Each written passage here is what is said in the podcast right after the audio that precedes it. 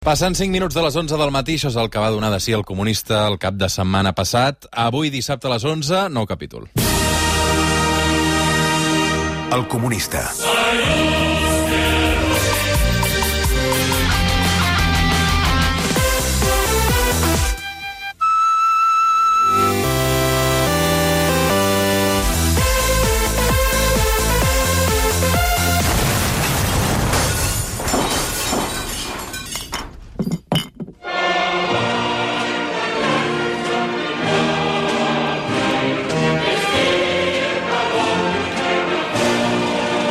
Camarada Joel Díaz, bon dia i bona hora. Camarada Escapa, bon dia. Com està, Joel?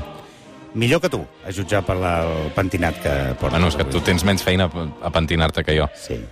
Tot ha d'acabar amb això, amb que sóc calvo. Has començat tu que dient que vas despentinat. És veritat, és veritat. Quan ho has començat a notar que, que tenies autopistes? Mortíssim. Bueno, diré... A mi em van començar a dir que em quedaria calvo amb 25 anys. En tinc 39. I molts dels que em deien et quedaràs calvo, ara són calvos. Ets com el procés, que no s'acaba mai. Ja podries haver triat una altra, una altra analogia. Sí, sóc com el procés. La I- meva alopècia és com el procés. Ho portes bé, per això? Sí. Molt, perquè sóc guapo, Uh -huh. i llavors no em preocupa. Guardiola es va rapar quan va veure que, que no hi havia remei. No, i, i es va rajar també, quan va veure que no hi havia remei. I se'n va anar al Bayern de Múnich. No, però jo parlava de l'alopècia en aquest I jo cas. parlava de futbol. Molt bé. Com va anar la Diada Nacional de Catalunya? Doncs me la vaig passar treballant, escapa. Vaig estar venent la meva força de treball per un preu bastant inferior al valor del resultat produït, generant la plusvàlua necessària perquè l'empresari que em contracta obtingui beneficis només pel fet de ser propietari dels mitjans de producció. Això pel, pel, pel matí. Per la tarda vaig dormir. Molt bé. No vas sortir a les 17.14 al balcó ni res d'això. No, no, jo no faig aquesta mena de folclore Quan, absurd. quan dius que vas treballar vas, vas fer això del reporter simpàtic. Va, no, simpàtic no, que sóc punyent i, i disruptiu. Ah, perdona, sí, és veritat. Com que simpàtic? No, és que no és la meva intenció resultar simpàtic. Tu creus que resulto simpàtic? Les consultes al comunista. Mira, aquesta setmana han rebut uh, un correu electrònic d'un tal Jordi Bastó, des de Barcelona, que diu així Bon dia, Joel, felicitats per aquest servei públic que fas. De res. Personalment penso que la teva secció és un dels millors espais radiofònics del país, a l'alçada de la secció que fa els diumenges de matinada el cardenal arcadisbe Joan Josep Omella. Home, en aquesta mateixa emissora, ja sé que tots dos negueu que els vostres espais siguin d'humor, però jo em peto amb tots dos. Ai. La consulta del senyor Jordi Bastó, que té a veure precisament amb la ràdio. Diu, uh, li deu interessar la ràdio, el Jordi. Eh, Això ho dic jo. Sí, bueno, A veure, el Bastó Un diu... nom curiós. Si la setmana que ve, posem per cas, s'aixequés una revolta comunista que derivés al cap de pocs dies en una dictadura del proletariat, quins programes de la ràdio i també la televisió pública catalana mantindrien el nou règim? Quins es carregarien segur i quins haurien de canviar uh, de títol i prou? Uh, gràcies. ja.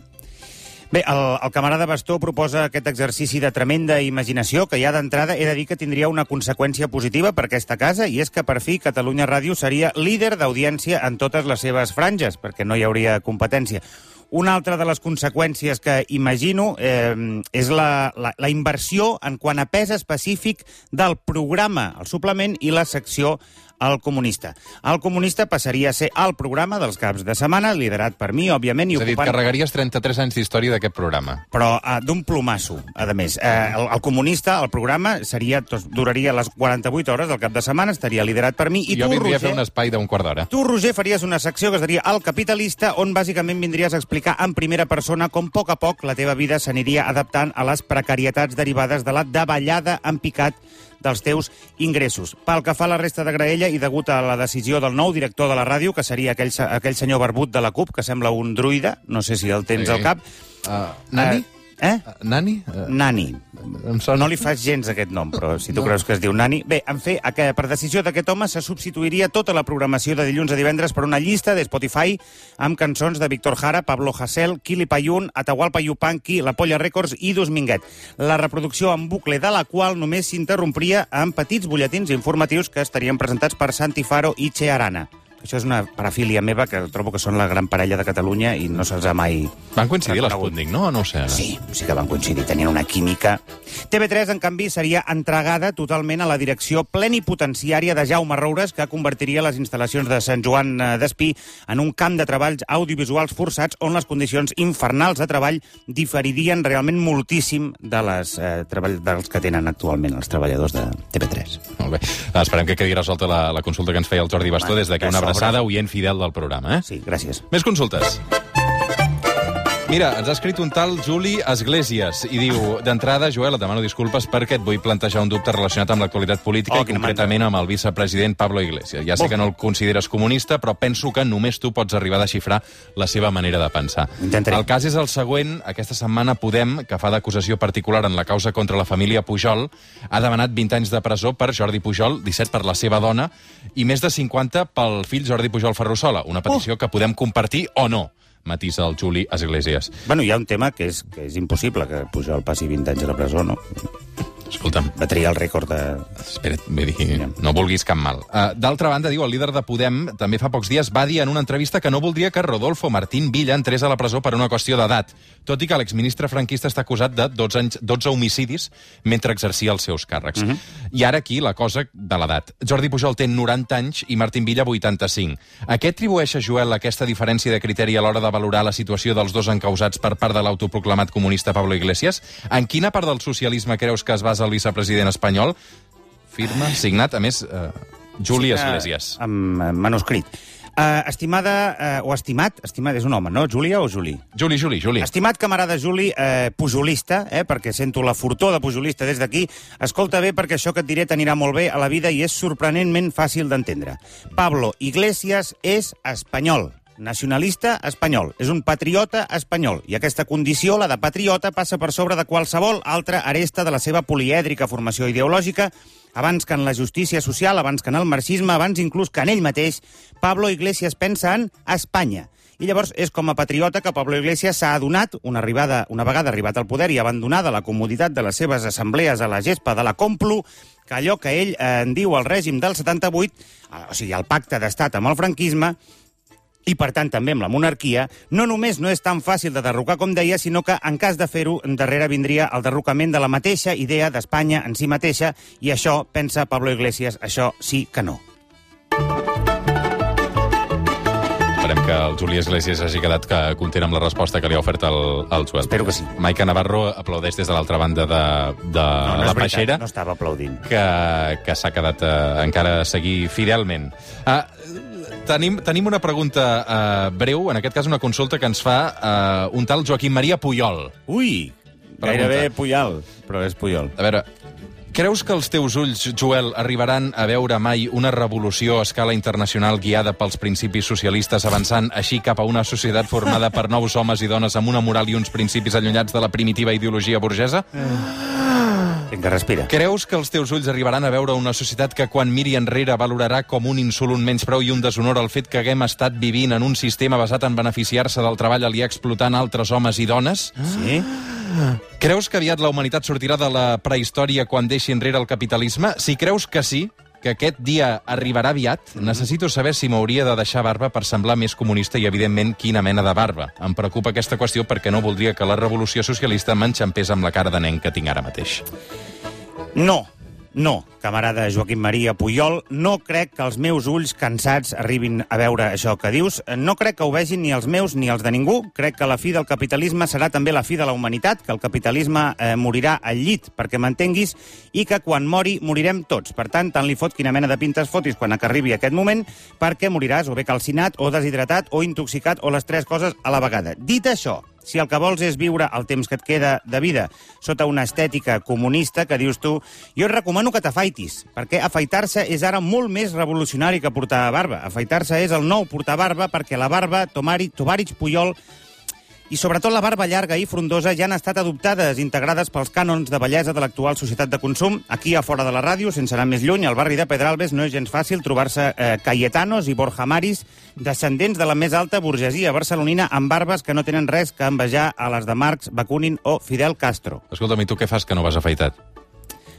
És que estic És que, clar, t'he desmuntat l'argument amb una sola pregunta, no, Joel. no, és que no, perquè a mi m'has de preguntar què ets més, eh, presumit o comunista? Jo et diré presumit. Ah, o sigui que tot això que m'expliques aquí és una farsa. Ara, ara te n'adones. Ah, Després de nou mesos, pràcticament. Doncs, fins avui. Fins Molt bé, avui. molt bé, és que que- m'ho prenia en sèrio, encara. Va, una altra consulta, encara. Eh, L'Isidor ens escriu, en aquest cas, des de Call d'Atenes, com està Mhm. Joel... És que a mi tot... O sigui, com està Joel, t'adreço aquesta consulta amb tota la il·lusió del món. A casa sempre hem sigut dels rojos, et seguim amb entusiasme. Gràcies, Isidor. Som tan, tan d'esquerres que fins i tot tenim prohibit menjar paella els dijous, tal i com es fa a moltes llars catalanes, perquè es tracta d'un costum d'origen molt burgès. Em sembla repugnant tota aquella història de la minyona que deixava l'arròs fet al seu Ai, dia de sí, festa. sí. A casa els dijous mengem ensaladilla russa. Clar que sí. Petons, no a l'arròs els dijous, paella. Fora. Ja. Feta la, la prèvia, arriba la pregunta de l'Isidora. Fa setmanes que les mares i els pares de Catalunya estem sent bombardejats pels centres escolars dels nostres fills amb un ingent volum d'informació sobre les mesures excepcionals, bla, bla, bla. Ja sé que l'objectiu del plegat és evitar els contagis, però a mi i a molts altres pares i mares ens estan alterant els nervis fins al punt que aquest dilluns m'acostaré a l'escola amb el nen, el llançaré per sobre la tanca recinta i marxaré. Si no té febre, no me'l podran tornar. En un país comunista ben organitzat, també gestionaria una qüestió tan sensible com l'ensenyament d'aquesta manera? Com ho fan altres llocs? Tu que ets amic d'en Cao de Benós, Sí. no saps pas com s'ho fan a Corea del Nord? Camarada Isidora o Isidor, no m'ha quedat clar si és Isidora de Call d'Atenes, és una dona. Camarada Isidora de Calldetenes. Soc, soc molt sensible a aquest problema que teniu els papis i mamis de Catalunya. Em costa discernir si esteu més preocupats per l'educació dels vostres fills o per la simple eh, vostra pròpia comoditat logística, però en tot cas tinc claríssim que esteu molt preocupats. No cal ser amic del cau de Benós per entendre que aquesta qüestió que planteges, i perdona'm si t'ofenc, és absurda. Evidentment que a Corea del Nord l'ensenyament funciona i funcionaria millor en qualsevol cas, perquè Evidentment, evidentment que allà, doncs, eh, mm, camarada Isidora, tot funciona millor. La gent és infeliç, poc lliure i sempre captiva de la por, però funcionar, el que vindria a ser funcionar, funciona de collons. Funciona perquè la gent obeeix, en primer lloc, i perquè els drets i les llibertats individuals, doncs, que aquí estan com molt sacralitzades, allà estan sempre subeditades a les necessitats del col·lectiu. L'únic problema, Isidora, és que allà, a Corea del Nord, les necessitats del col·lectiu les decideix un oligofrènic. Esperem que Call d'Atenes hagin quedat eh, satisfets també amb aquesta resposta. Isidora, una abraçada, gràcies per escoltar el suplement de Catalunya Ràdio. Passen 3 minuts d'un quart de 12 del migdia. Som al suplement, som a Catalunya Ràdio, això que sona és el comunista.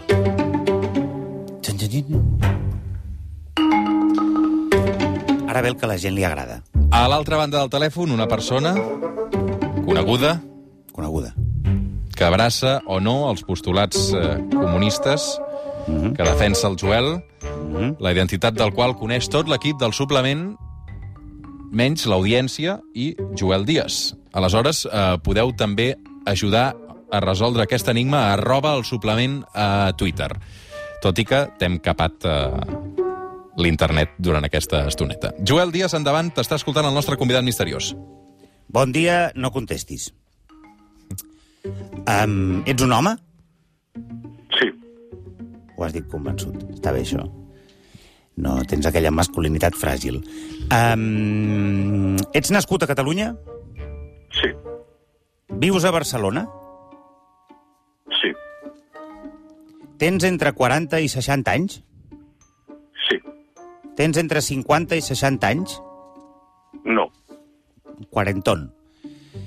Um, vas, vas participar ahir d'alguna de les eh, micromobilitzacions dedicades a celebrar la Diada Nacional de Catalunya?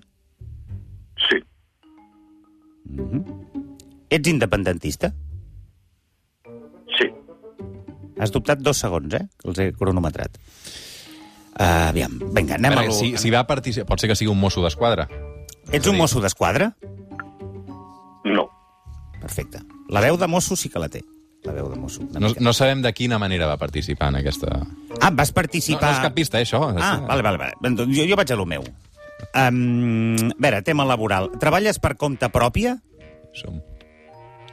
no, Treballes per compte aliena? sí, Ets un assalariat? sí, Ok, ok, ok, ok. Um, et consideres una persona rica i no, i no em valen mandangues de que sóc ric en, en, en, en amics i en experiències? Parlo de diners. No. No. Um, et dediques al món de la cultura? No. Um, et dediques al món de la ciència? No. Et dediques al món de la, del periodisme? Et dediques al món del periodisme. Quarenton, eh, periodista. Treballes a, a algun eh, mitjà públic de No. comunicació? Treballes a algun grup de comunicació privat? So-ni. Mm, És a dir... Sony, Sony. Sony. És a dir... No. Exerceixes el periodisme de manera escrita? Sí. L'exerceixes també de manera eh, audiovisual? No. Arroba el suplement si voleu donar-nos un cop de mà. Ets el Joel una mica... Vas bé, però... Viu a Barcelona, té 40 anys, és independentista i escriu. Eh, treballes per algun diari? Escrius algun diari? Sí. Algun diari en paper? Sí. Algun diari en paper en català? Sí. Molt bé, vas bé, Joel, vas bé. Eh, algun diari en paper en català que és només en català? Sí. Escrius a l'Ara? Sí. Escrius a l'Ara? Escrius a l'Ara. Eh, escrius a la secció d'opinió? Sí. A veure, Joel, estàs fent preguntes molt òbvies, eh? Espavila una mica. Entre 40 i 50 anys. Sí. Escriu a la secció d'opinió. Ets accionista de l'Ara? No. D'acord. No ets accionista de l'Ara. Ni tens cap, ni tens cap eh, vinculació a nivell empresarial amb l'Ara que fora de la teva relació laboral, eh? Pregunta-li si té accions d'alguna cosa. Ah, tens accions d'alguna cosa? No. No tens accions de cap cosa. Però per què em fas aquestes ajudes de merda, Roger Escapa? Vinga, va, va, va, anem-hi, anem-hi. Et consideres una persona guapa? No. Et consideres una persona d'esquerres? Sí. A veure, això de la, de la persona guapa mm, té el seu públic, eh? Té el seu públic. Té el seu públic. Has estat eh, comunista alguna vegada a la vida, o encara ho ets? Sí. Encara ho ets? Sí. Encara ho és. Comunista de l'Ara. No ho saps, oi, encara, Joel? No, no, no, no, estic perdudíssim. No, no, escolta'm, no facis servir Google. Uh, No. deixa, no, ves fent més preguntes. 40 anys, Barcelona, uh, articulista de l'Ara, comunista, uh, es considera no guapa i no rica, però jo et dic que té el seu públic. Eh, Ves una mica... T'ha dit que és independentista. Quina mena d'independentista tenim al davant? Un independentista comunista, no? Un independentista comunista. Per tant, ets pròxim al, al pròxim a l'ideari de la CUP. Sí. Ets militant de la CUP? Sí. Ets militant de la CUP. Ets diputat en algun parlament ara mateix per la CUP? No. Ho has estat? Sí. Has estat alguna vegada cap de llista per la CUP? Sí. Tens eh, una peculiar manera, a vegades, d'entendre eh, la utilització del calçat? Eh, Sí. Digue-ho, va, per favor. Ets el David Fernández. Bon dia, camarada Joel. Hombre! Hòstia, tu. No, és que ara em fa vergonya, perquè jo què faig amb una secció dient el comunista? David Fernández, bon dia i bona hora. Bon dia, Roger, i a tot l'equip del suplement. I moltes gràcies per jugar avui amb el suplement i amb el, i amb el comunista. A veure, Joel, clar, és que ara tens aquí davant el, el far. És, és el far, és que jo, jo ara estic d'en peus, no em veus, eh, David, però estic d'en peus. Uh, escolta'm una cosa, et vaig veure ahir allà a l'Arc de Triomf, en aquell, en aquell pitoste que havia muntat Òmnium. Sí, amb el pitote d'Òmnium i abans amb l'homenatge imprescindible del Gustau Muñoz. Ai, quins nervis. Ara, ara al Joel se li, no, no li surten les preguntes. Ets comunista, tu, ets comunista. I és, sí, clar, devia de dir que sí, però clar, com té tants adjectius, algun dia t'escriuré el consultori, perquè em considero comunista llibertari. I aleshores això obriríem un debat sobre la paradoxia del marxisme català des, de, des del PUM i Andreu Nin fins al que va significar Salvador Seguí i la CNT, en fi, mil coses. Creus que la CUP, a hores d'ara, representa bé aquest eh, ideari que tu defenses? Jo crec que sí, sobretot perquè crec que la, que la militància no, és la part més, més important i més capdalt. I crec que, a més, és un... Eh, eh, podem venir al consultori alguna vegada, perquè la CUP aplega moltes sensibilitats. Uh -huh. I diferents, fins i tot, en aquesta tradició emancipatòria del moviment obrer. No? I, a més, Ja, teniu ja. aquesta mania de funcionar assembleàriament, la qual cosa, en termes d'eficiència, convindrem que... Oi? És un debat, però mm, si vols combatre un model sistèmic amb el que no combregues, tampoc pots utilitzar les seves regles del, del joc, no?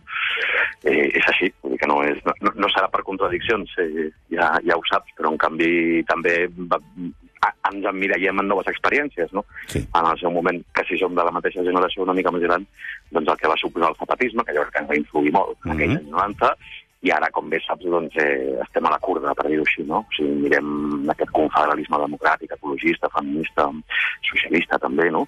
Eh, de, del moviment eh, d'alliberament curt i, i, en fi, intentem aprendre de tot, però també de la nostra pròpia història, que déu nhi en fi, el país de les David. vagues i el país dels de la canadenca. David, és ben bé, és ben bé que tu, eh, vull dir, se t'obre el micròfon i hom pot anar tranquil·lament a pixar, que, que pots estar tranquil que hi haurà algú a l'altra banda parlant, eh? Això, és Això sí que ho tens, eh? Això sí que ho tinc. Sí, El do del, el do del resumir, el do de, la, de, la, de ser escuet, aquest no, no, en tens moltíssims altres, però Escolta, no, no et passis que estàs parlant amb una, aur- a, a, amb una autoritat, eh? Sí, sí, sí.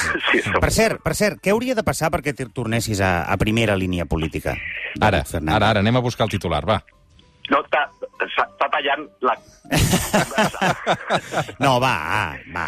No hauria de passar. Mira, jo quan me'n recordo que amb els companys i les companyes, quan, quan ens vam acomiadar, crec que era, no sé, hauria de ser abans de l'estiu del 15, vam dir, tornem a primera línia, no? Perquè per nosaltres primera línia és eh, allò anomenat carrer, si vols, però... Sí, però tu ja saps a quina primera línia m'estic referint jo, David. Eh, Seràs, Doncs cap, seràs cap de llista o no seràs cap de llista, David? Això. I sobretot, què hem de fer perquè ho siguis? Eh, hi, havia, hi havia una... Com que, com que aquella, aquella portaveu del PSOE, del Felipe, que, que era Saconde, que sempre deia no me consta, no? No me consta. Una evidència, sí, sempre... Eh, saps què hauria de passar? Doncs, Què? sincerament, així, amb, eh, no? Eh, amb un estadat que tot anés molt malament. És a dir, no? Eh, que Pitjor, Déu-n'hi-do, pitjor encara. que- Pitjor, de, déu nhi Però com pot, com pot anar pitjor, David? Eh, Jo és que no m'ho imagino. Doncs... Eh, Vivim en una distopia, pràcticament, ara ja. Estem, estem en una distopia, totalment. Jo crec que aquest capitalisme que desduelles eh, cada, cada dissabte té molts adjectius, no? Del desastre, segons la Klein, eh, no? Suïcida, segons un liberal com Miquel Puig, canalla pel César Rendueles, Sí. o zombi. En boca, capitalisme zombi és una paraula que no és teva ni meva, és de l'Anton Costas. Anton Costas. Expresident del cercle d'Economia. Però jo crec que qui millor ho defineix és el cineasta finlandès, el, el Karismaki, que capta el moment. Home, diu. Diu, ja no hi ha capitalisme, només hi ha sadisme social. I, i avui, que ara quan acabem d'aquí ens anirem corrent a la concentració davant de la seu de la Unió Europea pels incendis del camp de refugiats de, de Mòria, Ah, i aquí estem, enmig de la nostra indiferència. Per tant, eh, farem tot el que calgui. Eh, anar a una llista eh, pot ser que entri dins el que calgui, és un instrument més, però en tot cas que jo sàpiga, fins on set, eh, com, a, no? com, a, com, a, com a participant de la CUP, doncs estan en un debat intern i, i, i la militància està debatent què fem en aquestes eleccions, eh, ja veurem. Però no ho ha descartat, eh? no, ho ha des... no, no ho està és que no ho descartant, està descartant, escapa. No, No, no. Pell de gallina. Peta gallina. eh? Escolta'm, David, uh, Digues, no? o sigui, de tu recordem moltes coses, eh, del teu pas sobretot pel, pel Parlament, però uh, jo recordo una frase uh, que és Nos vemos en el infierno, oh. uh, que li va dir a Rodrigo Rato. Jo m'he masturbat amb, aquell, amb, amb, aquell, amb aquelles imatges. David, de veritat, t'ho dic. M'he masturbat amb, amb allò. Eh, allò. És que allò no té parangó. El, hòstia, agafar un banquer i dir-li allò. Nos vemos en el infierno. Que Aleshores, ja després d'allò ja podies morir. clar, uh, um, és a dir, David, o sigui, d'alguna manera tu ja admets uh, com a comunista l'existència d'un infern, eh, per això? Ah, bona sí, aquesta. Sí, sí, i a més, eh, mira, aquesta setmana també difícil perquè eh, hem, de, hem hagut de dir adeu al, al, al pare Manel, eh, després d'un estiu on hem hagut de dir no? eh, adeu al, al Pere Casaldàliga, un, un gran anticapitalista antropològic, sí. anem a dir-ho anem a dir així. Doncs sí, sí, jo sempre, amb els cristians de base, sempre ho he dit, eh, fins i tot per provocar que som amb la, la, els militants més tossuts que he conegut, no? Sí. més, més, més ferms, més persistents, no? Jaume Boté i tantíssima, tantíssima gent, sempre ho diem. No, no discutim tant si hi ha un, un paradís al cel, sinó que lluitem contra els inferns de la Terra. Però Com- com- inferns n'hi ha. Inferns hi ha a Villa Misèria, a les faveles, a aquesta Mediterrània que és una fossa eh, comuna a les nostres perifèries no? eh, de barri, perquè mm, el virus eh, no? potser no entén de classes, però les classes sí que en tenen, sí que en tenen de virus. No? És que cada, cada cosa que dius és un aforisme que t'hi cagues. Bueno, És, és, és... I això que has dit, per cert, que has dit que no ets guapo, bueno, això ho dius tu, eh? Això ho dius tu, perquè jo, jo crec, jo sé de moltíssima gent a qui li resultes tremendament atractiu. A més, tens un públic universal, absolutament transversal en qüestions de gènere, sexe i tot. tot. Clar, hi havia moltes preguntes que només he dit una a Sony, perquè, clar, quan deies el treballador salariat, accions, i clar, jo soc cooperativista, o sigui, és una tercera figura, no? Ah, clar, clar, Eh, clar, clar. Que no, jo soc soci de treball d'una cooperativa, per per tant, mm, soc... De quina cooperativa? Soc empresari, de COP 57. De COP Ok. 57, que és una cooperativa de cooperatives. Una... I, en fi, i el de la bellesa o la guapura o aquestes coses, Això, això. Amb, preguntes, amb preguntes binàries és molt complicat dir És molt no, no? complicat. Però, fins i tot des d'un punt de vista anticapitalista, no? en Sí. aquest culte al cos, a l'eterna joventut, no? Sí. a què entenem pels cànons estètics eh, de bellesa, eh, no? que, en fi, que també són eh, molt fantasiosos i molt nihilistes, i, en fi, eh, ser o no ser un cuerpo, que, que diu un altre aforisme, pues sí, som un cos, però, però per gustos, eh, colors, no? Quan diuen no s'ha escrit res sobre gustos, no? Sobre gustos no hi ha res escrit. Diuen, I tant que s'hi ha escrit sobre gustos. Tot està escrit sobre gustos. Tot, Però això, absolutament. vull dir, ho deixo a criteri dels altres, no? Eh, jo, mm, en fi, Doncs a criteri meu, David, ets tremendament sexy, ho sàpigues.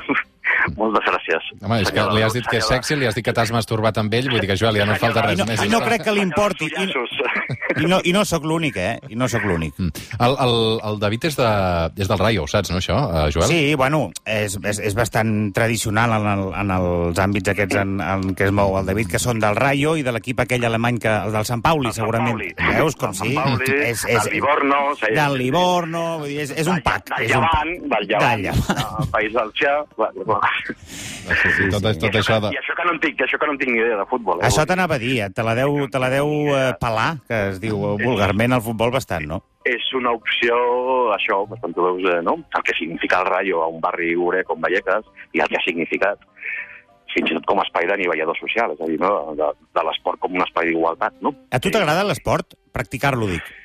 Eh, no, la veritat és que no tinc una... Camino molt, això sí, m'agrada Camines. m'agrada caminar molt, camino molt camino bastant cada dia, faig els meus 10-12 quilòmetres, perquè li haig de donar a l'àtic, anem a dir-ho així, que és el cap. Ahà, ahà. Doncs, és que, el, mira, t'explico. El Roger Escapa, aquí a l'estudi, m'acaba d'ensenyar un, un paper que posa Palestina. Eh, què vols que li digui de Palestina? No, perquè... Bon, bon, dia, bon dia, Palestina. Bon dia. Ai, eh. No, i que, li, que li, per, la, per la bufanda, que sempre el retrataven, al Polònia, amb aquella... Amb, aquella, amb, Bueno, amb, però sí, amb que aquell mocador. Polònia, aquella, aquella caricatura... Aquella era caricatura, clar, jo crec que no s'ajustava gaire tampoc a la realitat, no? Sí que quan t'imiten, David, sí que t'imiten amb la veu, com si parlessis cap, cap endins, no? Que al final, eh, o sigui, com si no t'entenguéssim, no? A vegades... Vull dir que a vegades... Eh, a vegades no m'entenc ni jo. Ah, Aleshores, eh, Que fas moltes subordinades, David. Mira de fer frases més curtes. I tinc una tendència sempre, no només a la subordinada, sinó a anar baixant el to de veu, no? M'ho diuen tots. De fet, al Parlament, els pobres tècnics d'això, que al final es van haver d'empescar, no? Allò, amb, el, amb la taula de monitors, pujar, no? pujar tot el volum quan, quan parlava jo. Amb la qual hi havia un problema, que no baixaven el volum i el que venia després, no? Podia uns crits, el, el volum superalt. Jo tinc un amic que diu que aquesta solemnitat amb la que tu parles és molt similar a la, amb la, a la que parlen els... els, els eh, és que eh, no, tinc tan poca cultura religiosa que no sé com es diu cura en català. El, el, el capellà, vols dir? Els capellans. Els, sí, sí, sí. I a mi em sembla bastant, bastant bona la, la comparació, perquè és aquest... És curiós, és curiós el, no, el, eh, eh, imaginació i percepció, anem a dir-ho així. Hi ha, hi ha moltes persones que creuen eh, eh, que sóc homosexual, no? Sí. És una opció lliure totes les persones que estimin com vulguin, i que sóc cristià de base, no? I, i no sóc exactament ni una cosa ni l'altra, no? Eh, yeah. que no? Però, en fet, eh, suposo que per percepcions això també va... Igual pot contribuir, no? Hòstia, ara m'acabes de deixar de pedra, tu. Sí. Cristià de base, eh? No, No m'ho sembla gens. No. O homosexual, m'és igual, la veritat. Però No, cristià no, de base... això, que, que cadascú estimi com vulgui i sabrà si com pugui, anem a dir-ho així, eh? Sí, bueno, ara abraçar-se ha fotut, oi? Sí, a abraçar-te fotut. Ai, noi. Tornarem a abraçar-nos davant del mar, eh? Que, que, Eh, que, que, exacte. que cantava la Marina Rossell. Oh, deixa'm-li preguntar una cosa, que és, és absolutament ràpidament. fora de context. A veure, va. Tu ets antivacunes? No, ni molt menys. Vale, perfecte, Ni em molt quedo menys, tranquil·líssim. Ni molt menys perquè, a més, em preocupa i crec que aquest estiu també hem llegit coses de- d'Itàlia, no? Sí. Doncs jo crec que moltes vegades sempre hi ha debats polaritzats, no? i un pot parlar de l'accés de medicalització de la societat, Mhm. no? de que els ansiolítics és el primer consum a l'estat espanyol, Sí, però van molt bé, eh, David? T'ho dic jo, que van molt bé els Sí, jo ansiolítics. tinc un amic que sempre diu Espanya és un bar no? eh, de camells, farmàcies i bars. No? Llavors cadascú escull el seu ansiolític, no? Et et fumes un canuto, o te'n vas a buscar un diazepam, o te'n vas al bar a fotre't eh, un sol i sombra. O, No? o les tres coses a la vegada. No, això, no, escolta, no, no, no ho recomanem, eh? El problema és perquè no, no ho recomanem. No, no, sisplau. A- Això que dius capitalisme és aquest malestar continuat no? eh, que genera eh, unes vides precàries absolutament a la intempèrie. No? En fi, és nota de les conseqüències. Ara, Això és una cosa, tenir una capacitat crítica des del mateix pensament racional i científic, no? i l'abús que se'n fa d'això, què significa la indústria farmacèutica, no? o per què no investiguen no? eh, Ara. una vacuna per Zika o per Ara, ara, ara. només busquen negoci i perquè només busquen ara actualment la investigació oncològica, que és el que dona diners i doblers, i no altres coses, no? i perquè no falta un sistema nacional de salut no? i investigació pública, etc. Tot això serà Que bé que parles. estem en un món que ridiculitza els debats i que els, i que els, i que els simplifica, no? Ja sé si no, doncs clar, la vacuna ha salvat moltes vides. Moltes, sí. moltíssimes. David, És vo així. vols que et deixi un dia la secció? No, uh, o sigui, en tot cas, la podeu compartir algun dia. Ah, home, això Fem, assem- fem m'encantaria. assemblea... Fem, Fem... Ui, no, però llavors ja, bueno... Fem assemblea, empatem, perquè som dos. No, i, perquè, I perquè són de la CUP? Exacte, i aleshores el Roger escapa cada desempat. I jo encantat de venir, de venir un dia, no tinc cap problema, només faltaria. Vinga. David Fernández, un plaer i moltes gràcies per jugar amb nosaltres avui. Una abraçada, cuida't molt. De veritat, cuida't Adéu. David. Adéu-vos. Joel Díaz, uh, fantàstic, com sempre. M'has fet feliç avui, Roger. Així m'agrada, d'això es tracta. Al final, la vida són aquests moments. Eh? Fem una pausa i obrim Finestra al món. Fins ara.